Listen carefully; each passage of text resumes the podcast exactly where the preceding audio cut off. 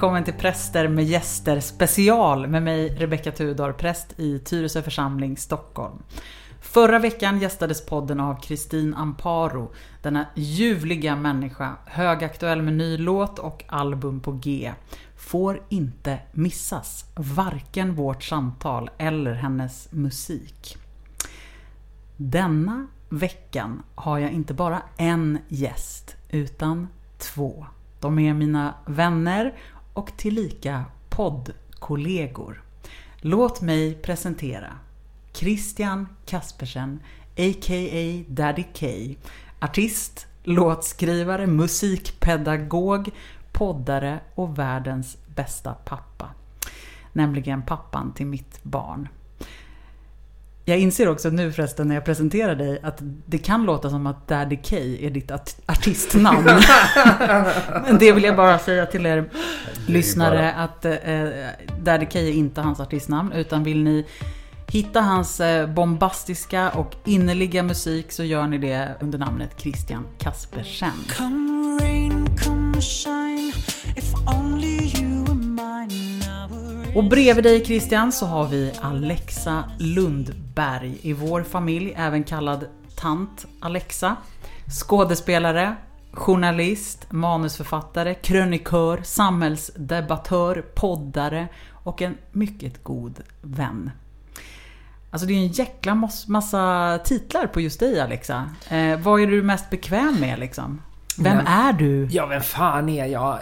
Ja, du får svära hur mycket får, du vill. Får man det i, i prästpodden? Ja. Eh, nej, men jag är jätteglad att, eh, tack för att eh, vi får vara med. Jag, eh, eh jag är ju skådespelare i grunden. Mm. Det måste jag ju ändå säga att mm. jag är. Eh, jag är utbildad på scenskolan i Göteborg och sen halkade jag in på journalistspåret på ett bananskal mm. tack vare den ack så heta transfrågan. För jag ville lära mig att skriva och kommunicera ett budskap på fler sätt. Liksom så. Just det. Men skådespelare är det som du liksom Ja. I grunden är, och kanske är det det du också är mest bekväm med att också titulera dig som? Ja, fast jag jobbar så pass mycket som journalist nu. Så mm. att det är skådespelare och journalist. Det känns mm. eh, nära verkligheten bara. Alexa Lundberg, skådespelare och journalist. Tack. Och Christian Kaspersen då? Vad vill du helst titulera dig som? Du har också ganska många titlar. ja, det där är svårt. Jag tycker det där är... Mm, alltså... Det kan låta så otroligt pretentiöst och bara, jag är artist. Jag menar, jag tjänar ju inte alla mina pengar på att vara artist. Utan jag jobbar ju som musikpedagog också. Ehm, men, ja. Jag identifierar mig väl absolut med att jag sjunger och att jag skapar musik. Det gör jag och vi är som sagt var eh, inte bara vänner utan också poddkollegor. Jag tänker egentligen ja. att det kanske är den titeln som skulle vara den viktigaste idag. Högst upp på våra listor, eller Högst hur? Högst upp. Ja, ja. skit i skådis och ja. artist. Det här är två poddare. Exakt. Influencers. Yeah, girl. Eran podd Ytspänning, det är ju en podd där ni växlar mellan yta och djup pratar om identitet, sexualitet, kön, skönhet och mitt absoluta favoritämne, hudvård. Nej, det är det ju verkligen inte. Men det som är så bra med er podd, det är ju att eh, för den som inte är så intresserad av hudvård, till exempel moi, myself, eh, som tycker att det är ganska trist med hudvård. Då kan man mm. liksom spela fram och så mm. vet man att man alltid kommer till en del som handlar om djupdykningen. Just och det. mina vänner, det är jag mycket intresserad av. Mm. Men tycker ni att jag är fräck som behandlar er podd på det sättet? Absolut inte. Nej, jag tycker det är, det är bara kul att man vet att, man, att det finns liksom vanligtvis två segment. Eh, mm. Ett som mer om yta, även om jag förstås som vi problematiserar begreppen liksom i podden att självklart kan det finnas saker med ytan som också berättar om djup och identitet och vad vi... Um, men uh, nej, nej, man får behandla podden precis som man vill. Det är bara kul att man lyssnar och det är bara att hoppa mellan segmenten och enjoy. Mm. Jag har ju lyssnat eh, på ett av era avsnitt som är det som inspirerade mig till att bjuda in er till Präster med gäster.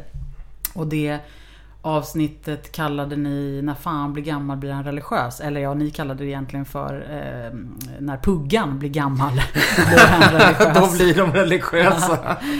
Eh, elfte timmen. Och det väckte ju ändå mitt intresse och jag kände att så här, ja men det här är ju spännande liksom. Mm. Utspänningpodden har ett avsnitt som handlar om tro och om, om längtan på något sätt ju. Mm. Och, eh, och vad handlar egentligen det där om, alltså det där begreppet, det är ju intressant och ni nystade ju lite i det. Mm. Eh, om, om det här med att så här, är det det här med att man plötsligt inser att man inte är odödlig? Mm. Som man ju så liksom som lång tid i sin ungdom tror att man är. Liksom. Mm, man lever sitt liv som om man aldrig skulle dö. Liksom. Och sen plötsligt så blir man äldre och man inser kanske att man, ja men människor runt omkring, föräldrar, alltså förstås mm. är det en generation där det inte är något konstigt att de dör. Och, mm. eh, Ja men precis och det kan ju nästan, det kan ju låta lite som att vi är lastgamla nu då. Alltså jag, vi är ju runt 40 liksom. Mm. Men det, jag tycker faktiskt att det är märkligt med den här åldern. Mm. Eh, för att även om man inte är lastgammal men inte heller purung som jag brukar säga. Så är det ju någonstans nu man ändå börjar fatta på riktigt mm. att man inte kommer att leva för alltid. Mm. Och att livet faktiskt är utmätt. Det är inte bara en intellektuell tanke längre utan jag tycker det är något som börjar kännas i kroppen. Alltså, mm. Man har sina begynnande medelålderskrämpor liksom, och mm. höften kanske gör lite ont om man inte har varit ute och sprungit en dag liksom, eller slarvat. Eller man kan inte bli bakfull på samma sätt och bara gå och jobba. Liksom, sådär. Mm. Men, och vad gör det då med eh, det spirituella liksom? Du, som, mm. du får gärna berätta själv om din bakgrund. Eh. Ja, alltså jag har ju ingen jättekyrklig bakgrund. Det har jag inte. Eh, jag var kristen i och för sig när jag var liten. Alltså jag trodde verkligen på Gud. Mm. Eh, min pappa trodde på Gud.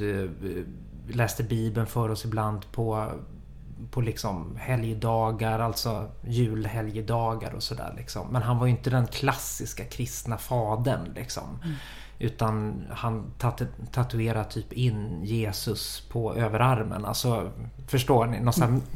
Han gjorde det eller han gjorde inte det? Ja, han gjorde det. Han gjorde det? Ja, ja. Han tänkte liksom på Jesus som en rebell kanske mycket. Alltså, Exakt, ja mm. precis. För att min farsa är ju väldigt mycket en socialist. Mm. Mm. Så jag tror ju verkligen att det var något sånt. Absolut.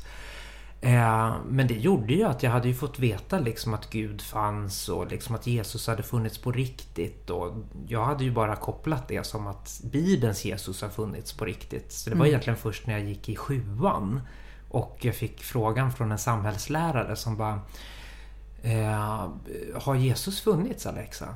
Och jag bara rakt ut i klassrummet inför alla mina klasskamrater bara Ja, eller vadå? Avlad av jungfru Maria. ja, precis. Född eh, jungfrufödsel och så vidare. Eh, varav liksom så här, han tittar på mig den här läraren så här, förvånad och bara Har han? Mm. Och jag bara Va? Och gick hem och bara så här, har inte Jesus funnits och sådär liksom. Mm. Jag konfirmerade mig ungefär vid den här liksom, tidpunkten också och förstod liksom att det var rätt töntigt att tro på Jesus när man gick i högstadiet och var mm. liksom... Eh, så jag, jag, började ju sluta att tro liksom. Mm. Eh, inte så mycket av socialt tryck för jag var en väldigt egen människa, alltså en kuf mm. som gick omkring i min egen värld liksom. Jag var inte så brydd av sociala... Eh, lite så här, vad heter det? Psykiskt instabil, eller på att säga. Socialfobisk liksom ja. sådär. Eh, men så jag... vad var det som gjorde att du slutade tro? Om det inte handlade om det? Ja, men ju äldre man blev desto svårare var det ju. För man, man fick ju upp ögonen för liksom... Alltså man växte ju ur den här barnatron liksom. Mm. Jag kanske gjorde det lite senare än, andra, men jag mm. gjorde ju det till slut. Mm. Och, och bara, ja, men var, varför skulle jag ta vägen någon annanstans? Och hur logiskt är det liksom att det inte bara blir svart? Alltså, mm. liksom...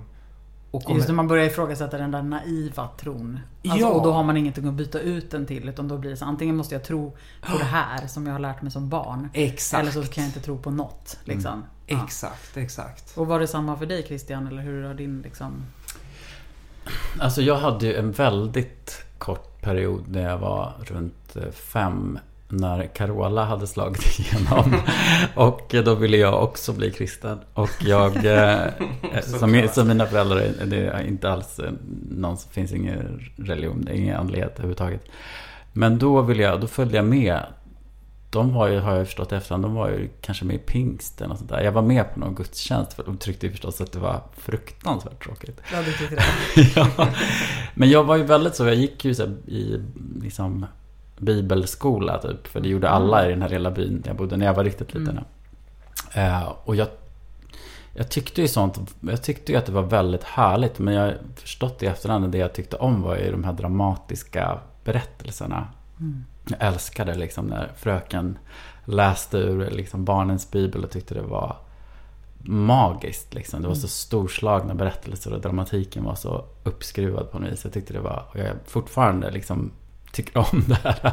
Liksom, det, det, det mäktiga liksom, och storslagna. Men, men jag hade ingen eh, tro eller liksom förhållande till det sen. Och när liksom började falna ganska snart där min Carola framkallade eh, kristenhet.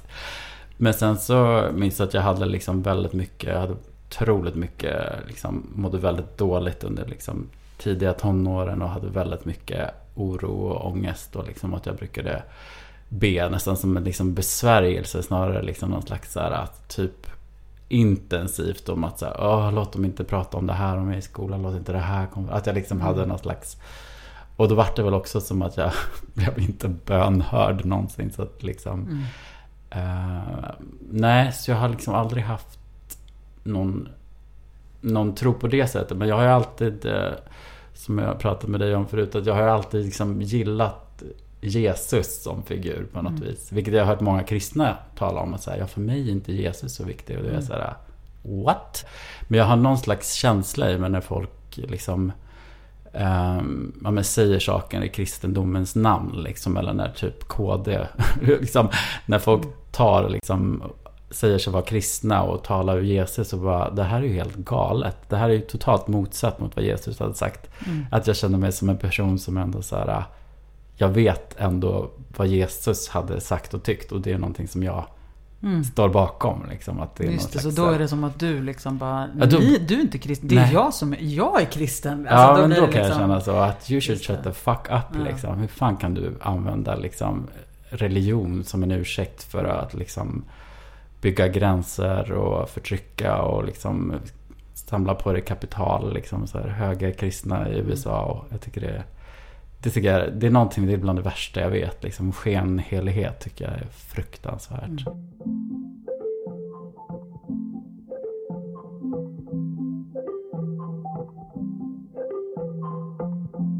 Du har ju ändå varit i Svenska kyrkan en del, inte mm. minst för att vi är familj och, mm. och jag är präst. Eh, för er som inte visste det. det är jag som är prästen, de är gästerna. Nej men kan du uppleva att vi pratar för lite om Jesus?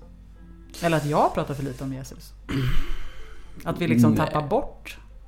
Nej, men han finns väl absolut med liksom i nattvarden och man brukar ju ändå prata om och Jesus är till barnen. Och, mm. Alltså visst finns eh, Jesus där, men jag kan väl ändå tycka ibland att det är så här eh, Eftersom jag, jag alltså menar om vi ska prata riktigt problematiska inslag så är ju Gamla Testamentet ett svårt liksom, inslag att förhålla sig till. Mm. Eh, tycker jag verkligen. Och få med de 3000 år gamla patriarkala grejerna. Kan ju, och då känner jag att liksom, Jesus är ändå upphäver ju mycket av de sakerna.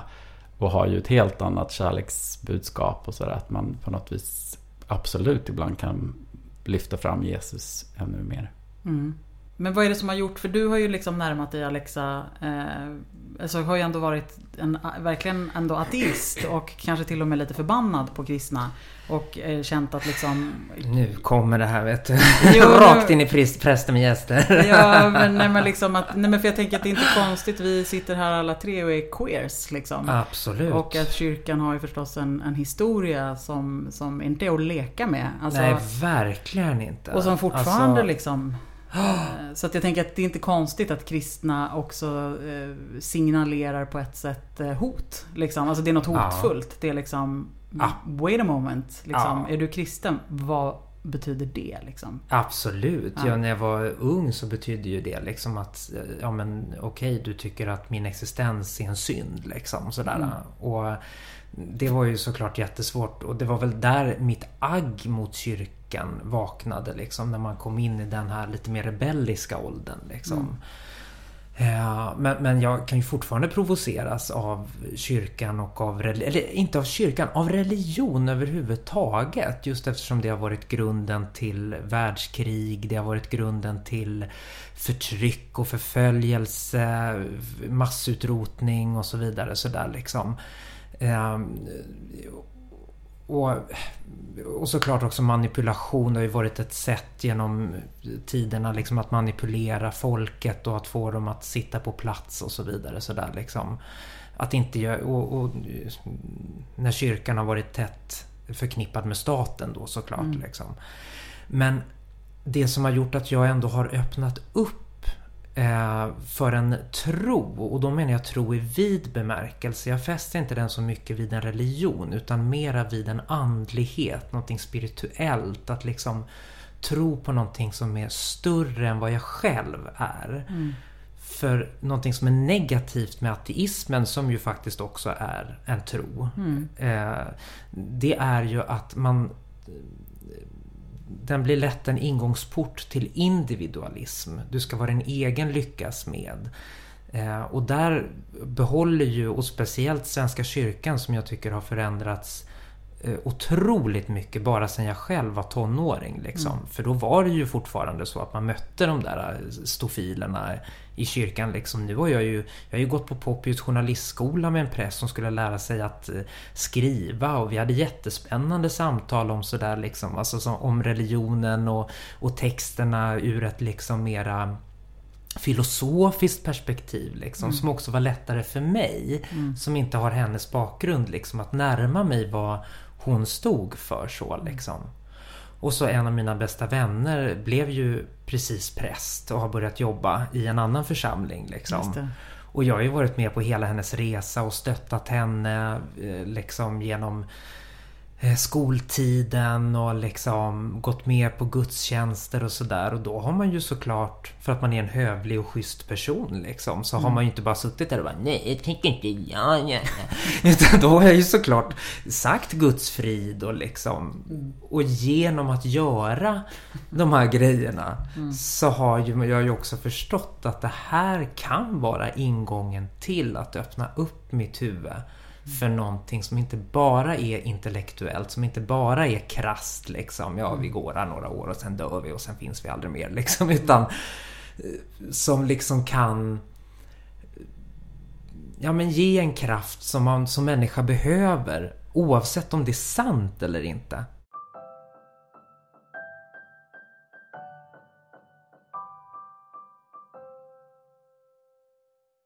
Ja, men jag tänker på, jag fick ju en, eh, en men verkligen något som blev superstort för mig var när jag lyssnade på ditt avsnitt med Rebecca Cardoso som var med ju. Och hon pratade om eh, liksom vad med den katolska mässan och sådär. Att hon tyckte liksom om att knäfalla inför mysteriet. Mm. Och där var det ju någonting som verkligen så klickade till mig. För att jag kände att jag fick en ingång i någonting. Att, att tänka Alltså jag kan inte sitta och tro på en gud som har en allsmäktig kraft i en värld som, som är fylld av lidande och varför liksom. Men, men, men jag, att, man, att man kan tänka att, att det finns saker vi inte kan förstå. Det som är bortom den här världen. Hur ens världen uppkom och, och varför eh, liksom vi måste ju liksom hantera, ja, lever vi ett långt liv så är det ju otroligt mycket saker som vi måste på något vis knäfalla inför och acceptera. Mm. Död och orättvisor och smärta. Och på något vis att så här, en otroligt mäktig bild tycker jag att faktiskt så här, jag kan inte liksom, jag kan inte protestera mot det hur mycket jag än vill att det inte ska hända. Utan det enda jag kan göra är att liksom knäfalla inför mysteriet och liksom mm och bara acceptera. Vad fint beskrivet. Ja men precis. Men jag måste ju ändå säga så här, för så fort liksom någonting eh, det här vi pratar om nu, för det är ju väldigt allmänt. Mm. Eh, liksom sådär, och det tror jag nästan att de flesta kan skriva under på. Mm. Men så fort det kommer in i Svenska kyrkan, i kristendomen eller buddhismen eller eh, muslimska samfund då är det ju redan, då har vi ju skalat ner det mm. till en text, till en bok och till en eh, allsvetande eh, makthållare. Mm. Vad det nu är för någonting. Liksom. Och det är där eh, jag får problem, eh, fortfarande alltså så. Mm. Eh, med att erkänna mig till kristendomen eller till islam eller till liksom buddhism mm. eller sådär. Va? För jag hade en period där jag hoppade runt lite och tänkte, men kan jag hitta någonting? Prova dig fram liksom. Mm. Ja, men precis. Men det är så mm. fort det liksom kanaliseras ner i ett hus. Mm. Då, eh, då blir jag... Men jag är också en solitär person. Det ligger lite i min natur att vara kritisk. Mm. Sådär liksom. Mm. Jag tänker mer typ att att jag skulle kunna hitta saker i, i liksom massa traditioner men på något vis att ändå så här, varför inte gräva där man står lite grann. Att mm. liksom det är ändå så här, kristendomen är någonting som jag ändå finns framförallt i vår kultur och mm. i liksom vad jag vet mest om. Men jag tror inte och sen är jag ett Jesus-fan. Eh, också. Men jag tror att jag skulle ha... Jag är absolut inte på en plats idag att jag skulle kunna att svara ett entydigt så här, är du kristen? Och det är så här, Oh, vad svårt. Jag du bara, ja i relation till Ebba Busch. Ja, precis. Nej, det beror på liksom vad man ska, och vad man liksom, precis, vad Nej, man upplever att man ska skriva under på. Ja, exakt. Och det är väl det. Och det fattar jag. Alltså, mm. jag menar, det tycker jag ju som präst också är svårt ibland. För att mm. det förstås också läggs massa både föreställningar och förväntningar på vad, vad en präst liksom ska tro på eller mm. vad Eh, Jungfrufödsel. Ja, till exempel. eh, är det inte underbart att det inte behövdes en man för att Gud skulle födas? Det är en feministisk tolkning på den, tack. är det inte så? Jo, absolut. Mm, nej men och... Eh, nej men och eller, typ sådana saker, det tycker inte jag är så problematiskt. Alltså jag mm. orkar mm. typ inte ens, jag menar, ja, ja, ja, alltså No problem. Jungfrufödsel, mm. absolut. För Gud är allting möjligt. Mm. Alltså. Men det, det, min tro bygger ju inte på, en liksom, på att det är viktigt att framhäva eller liksom... Får jag bidra lite med min okunskap här nu? Mm. Alltså när ni är präster i Svenska kyrkan, mm. eh, måste ni tro på allt som står i, I Bibeln? Bibeln. Ja. Vartenda ord. Det måste ni. nej. Så ni, nej, men jag menar en, en präst som säger jag tror inte på jungfrufödsel, är det mm. okej? Okay? Ja, alltså det där har ju varit KG Hammar har ju närmat sig den. Ja, är det så? Det, var en jättestor, det blev en jättestor debatt eh, när han... Eh, jag kommer inte ens ihåg vad han sa faktiskt. Var men det var, handlade om att det var precis och det handlade väl mer om att här, öppna upp för att tolkningar. Alltså vad, ah. vad kan det betyda och så här. Eh, okay. Alltså jag, jag tänker att så här, det går inte att säga så här. Alltså nummer ett. Det går inte att säga så här, jag tror på Bibeln. Nej. Vad betyder det liksom? Den är ju skriven av massa ja, men olika... Det är liksom så många olika berättelser och eh, men skriven under så lång tid, muntlig tradition. Eh, annat språk som har liksom tolkats och skrivits om. Alltså det, det är så... Det blir så fattigt att tänka att man liksom måste tro på vartenda ord i Bibeln. Jag förstår inte ens mm. vad det betyder. Alltså så här, eh, men det är klart att det kan vara Bibeln är ju viktig. Liksom. Alltså berättelserna mm. är viktiga och vi traderar dem vidare. Liksom, mm. För att det finns eh, Ja, det finns eh, massa liksom visdom och, och liksom inte minst Jesus ju förstås. Alltså... Men kan inte du hjälpa mig lite här nu då? Eftersom du ju också tillhör HBTQ-communityt. Mm. Hur har du, eh, när du har läst teologi och liksom bekänt dig till texterna och tron sådär. Hur har du kommit förbi Um, att man inte får böga? Att man inte får böga. Nej, men alltså mycket, och, och, även som feminist och kvinna. Jag menar det finns ju massa grejer där som inte är så härliga för Nej, alltså våra vi har ju att göra med en, en extremt patriarkal eh, historia. Och mm. eh, Bibeln är, är patriarkal.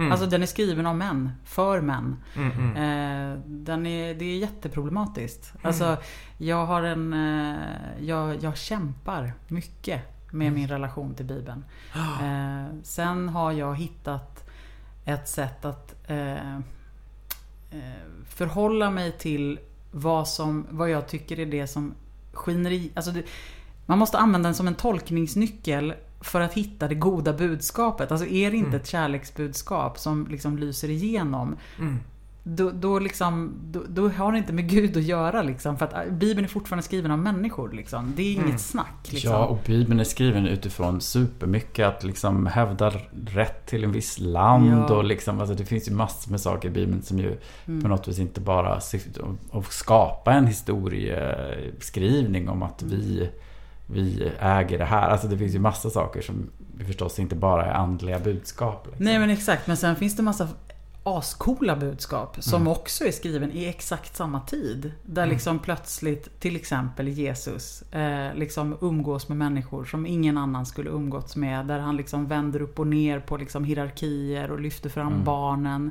Mm. Eh, och låter barnen vara förebilder för oss i tron. Mm. Eh, liksom barnen, de hade ingen, inga rättigheter liksom alls på den tiden. Mm. Eh, pratade med kvinnor. Jag menar det kan ju låta som så här futtiga saker i vår tid men jag kan tycka mm. att det mm. finns någonting För mig blir det de, det blir de queera läckagen i Bibeln. Mm. Det mm. blir det som är liksom det heliga och det som är gudsnärvaron i Bibeln. Det är läckagen. Mm. Det är när det liksom plötsligt är någonting som bryter igenom som, som snarare bryter igenom på ett sånt sätt att säga det här är mm. konstigt. Mm. Att det står.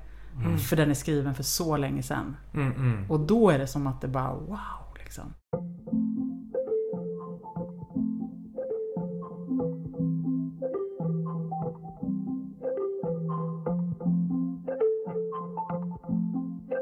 Det här kanske ni redan har pratat om i podden. Jag har inte lyssnat på alla avsnitt. Men eh, eftersom du är, vi är ju samma ålder. Mm. Och liksom du hade ju lätt bara kunnat, nej men jag vill tro på någonting men det är inte så viktigt för mig med att hålla på och tolka Bibeln och sådär. Du hade ju lätt kunnat jobba med 10 miljoner andra grejer. Vad var det som gjorde att, nej, jag ska ta mig igenom den här svåra kampen som du beskriver, mm. som är att tolka Bibeln och våga tro? Ja, det är en jättebra fråga. Eh, men min ingång i kyrkan var ju inte svår, genomtränglig mm. och den handlade väldigt lite om att läsa Bibelns berättelser faktiskt. Mm.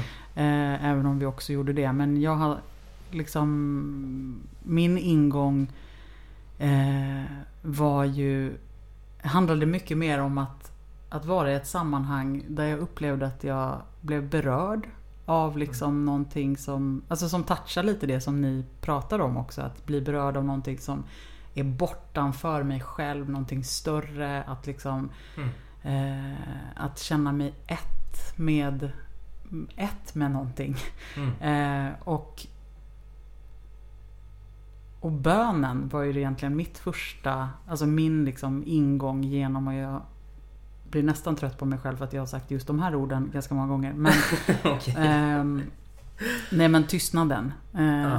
var liksom alltså att eh, eh, på mitt konfirmationsläger så hade vi en timmes tystnad varje dag. Eh, en tysta timme helt enkelt där vi konfirmander liksom 15 år gamla skulle vara tysta en hel timme och fick inte umgås med varandra, fick inte lyssna på musik. Mm. Utan alla skulle hitta en plats där man skulle liksom vara med sig själv och med Gud. Eller vad man nu kallade det eller inte kallade det. Men för mig var det Alltså Det var avgörande. Alltså mm. det var den stunden på dygnet varje dag. Jag längtade till tysta timmen. Och jag började be. Eh, och inte sådär så att jag var helt medveten om att det var det jag gjorde. Eller, eller liksom knäppte mina händer. Alltså så himla from var jag väl inte. Men, men jag förstod att så här, jag förstod att det, fann, det finns någonting mer. Det finns mm. någonting mm. mer att hämta och jag kände mig eh, kallad att söka vidare. Mm. Eh, och vara, befinna mig i det här goda Det var ett gott sammanhang. Det var liksom så här, det var godhet. Det var mm. kärlek. Folk ville någonting. Det fanns en drivkraft att mm. göra gott. Du vet, i kyrkan då kunde töntarna vara de coola. Mm. Och de coola var också coola. Men så här, det, det, var liksom alla andra hierarkier från skolan var liksom så bortblåsta. Mm. Det var verkligen så. Alltså töntarna blev plötsligt liksom mm. de som mm. vissa bara blev kära i och liksom Lyssnade till. Lyssnade till, ja. Och att, och att det var bra att du sa lyssnade till. För det var ju också en sån sak att att som ung eh, bli lyssnad på och bli sedd. Mm. Eh, så att, men förlåt Christian, mm. du kan komma ja, in. Ja, nej, men jag bara tänker på det där, vilken, vilken bra ingång. För att jag tror att Alexa och jag har lite liknande eh, upplevelser där. Att liksom, min, min känsla var att när någon bara, ja men jag är ju kristen. Så jag bara, Aha, okej, okay, du hatar mig. Mm, mm. alltså, alltså min ingång var att, att kristendom, det jag liksom läste och kom i kontakt med var, var väldigt mycket liksom en fördömande religion. En religion som, som, som syftade till det. Och vad annorlunda saker och ting skulle kunna vara. Varför ska vi tro på en gud som fördömer människor? Verkligen. Och deras liv? Det är för mig obegripligt. Varför, ja. sku, varför skulle jag vilja begränsa mm. Och varför skulle liksom, jag tänker gudstjänsten är ju så mycket upp kring förlåtelse. Mm.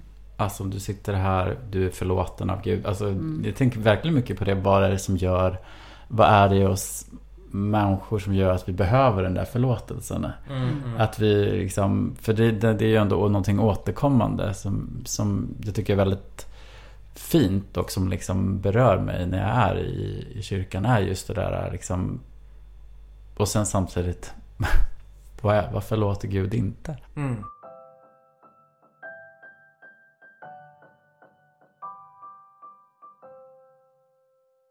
Rätta mig om jag har fel. Mm. Men jag får en känsla av att det som ni båda behöver och som jag behöver och som jag tror att väldigt många behöver och saknar och längtar efter. Det är ju sinnligheten. Mm. Alltså att kunna få känna Alltså att man får bli fri mm. från liksom det analytiska perspektivet och intellektet och känna med sin kropp Amen. Eh, mysteriet. Mm. Kunna knäfalla som du berättade om. Mm. Eh, och där tror jag faktiskt att det är en utmaning för kyrkan och Svenska kyrkan att hitta tillbaka till mystiken. Alltså att liksom låta det mm. inte mm. blir så avförtrollat. Mm. För att Exakt. det är så mycket ord ibland. Eh, och det har vi ju den lutherska traditionen att ordet står i centrum. Liksom. Mm. Så det, har, liksom, det är just evangeliet och det är predikan och liksom så här. Och det må vara intressant ibland, men eh, det må icke beröra mitt hjärta så ofta. Nej! Nej. Och där, där, vill jag faktiskt lägga till en grej. För att när du berättade om att ni satt en timma i tystnad. Mm. Jag är ju på vippen att beställa en resa till ett tyst retreat. Mm. Där jag liksom ska vara tyst i flera veckor. Mm. För jag behöver, som du säger, jag mm. behöver stänga av mitt intellekt. Mm. Mm. Och jag behöver få prata med Antingen då om det är överjaget eller om det är en större kraft. Eh, liksom vad den är. Jag behöver komma i kontakt. Ja, och jag tror att då, jag tycker definitivt att du eh, ska göra det bara. Ja. Alltså det är bara att ta steget och, och beställa det där. Eller boka eller vad man gör. Ja. Eh, men... Och då, försök att skit i Mm. Som du säger, om det är skit i det. Ja, det är alltså det så här, bara hitta, liksom rikta dig. Mm. Liksom. Mm, och, och så får, du, får det komma det som kommer. Liksom. Mm. Men för jag tror att varför dragningen kan finnas åt ja, men, skitsamma i vart det drar. Men liksom Jag tror verkligen på att, eller jag förstår varför man använder till exempel rökelse mm. i den katolska mässan. Det förstår jag också. Eh, och varför det är mycket ikoner och liksom det är mycket knäfalla och mm. Eh, man använder sin kropp, man får lukta på det heliga. Man mm. får andra, det liksom bestänks vatten ibland på en. Man får känna liksom. Alltså det... det är det där det som vi predikar om i utspänning också. Att vi måste sluta. Vi kan liksom, man kan inte dela in i liksom, vi är både kött och mm. intellekt liksom. Och vi behöver mm. ha alla delar med. Mm. Annars blir det liksom aldrig någonting som är riktigt djupgående. Eller liksom, vi behöver, hela grejen måste få finnas med. Mm. Och jag tror verkligen att så här, äh, Ja, det, det, det du beskriver vi... är det verkligen någonting jag längtar efter. Att liksom, mm. det får finnas eh, mera sinnlighet och mera... Um, ja, Och det har ju liksom väldigt... Det har ju en tendens att ibland förlöjligas i Svenska mm. kyrkan när sinnligheten ska in. Mm. För då blir det liksom väldigt lätt att det förlöjligas. Om vi tänker till exempel någonting som, som eh, har blivit, någonting som har kommit in i kyrkan är det som kallas ibland för helig dans. Mm. Eh, och det kan man tycka vad man vill om liksom. Eh, och jag har själv förlöjligat det. Eh, och jag skäms för att jag gjort det. För att det är som att det alltid är liksom kvinnliga. Det förlöjligas lätt. Mm. Eh, och då, men liksom det är väl underbart om man för in helig dans. Mm. Alltså man får dansa i kyrkorummet. Mm. Eh, och liksom använda kropp. Jag fattar liksom. Mm. Det Var... där som händer när man på något vis bara dansar och dansar och dansar. Plötsligt är det som att man är liksom man är, inte, man är inte längre det där intellektet som står och, och kontrollerar och bestämmer och mm. förminskar sig själv. Utan plötsligt bara märker man att Wow, man blir som uppfylld av någonting liksom och bara finns inga, man har inga censur. Och liksom, det är fantastiskt. Det är Men och jag tänker att det är därför som vi, vi är väl olika vad vi, liksom, vad vi dras till och vad vi är beredda att göra. Men jag kan ju, liksom, jag kan ju fatta eh, den karismatiska rörelsen. Med händer i luften och tungotal och allting. Absolut. Jag är inte där. Liksom. Jag dras hellre åt det mystika, kontemplativa, liksom, det stilla. Mm. Men jag kan förstå att det finns någonting som är väldigt befriande i att så här, Mm. Snickelisnacka på något konstigt. Tala i tungor. Ja men jag liksom såhär, ja, om, man, om man tänker bort liksom hela det, mm. det som upplevs som lite sekteristiskt och, och konstigt och, och allt galet, sånt där galet. Liksom, så kan jag ändå Mm. Ja. Men då kan jag ju också välkomna dig till ett teaterrum, Rebecka.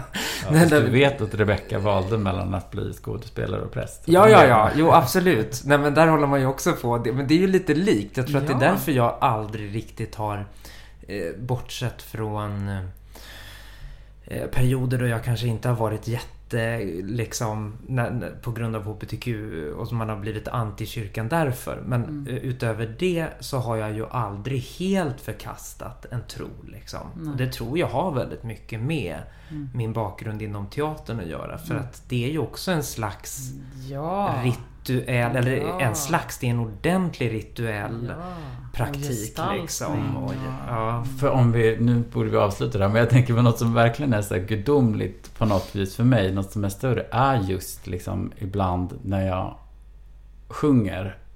Och man står först och man är medveten om att de sitter och pratar där och den hänger där och de tycker det. Men när man plötsligt bara är fullständigt i mm. vad jag berättar, vad jag sjunger. Eller när man spelar teater. Mm. Och det bara är, det kanske bara är kanske bara är fem sekunder. Mm. Men man plötsligt var 100% mm. där och i nuet och det bara Det är det enda som finns. Att världen plötsligt blir stilla. Det är liksom gudomligt Amen, för mig. Amen sister.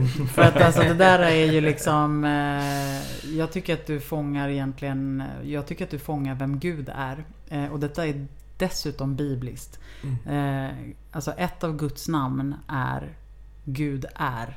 Mm. Alltså jag är. Alltså närvaro. Mm. Och jag, för mig är det, det, är det, alltså det är det som är helighet. Och det är mm. också det som är Gud.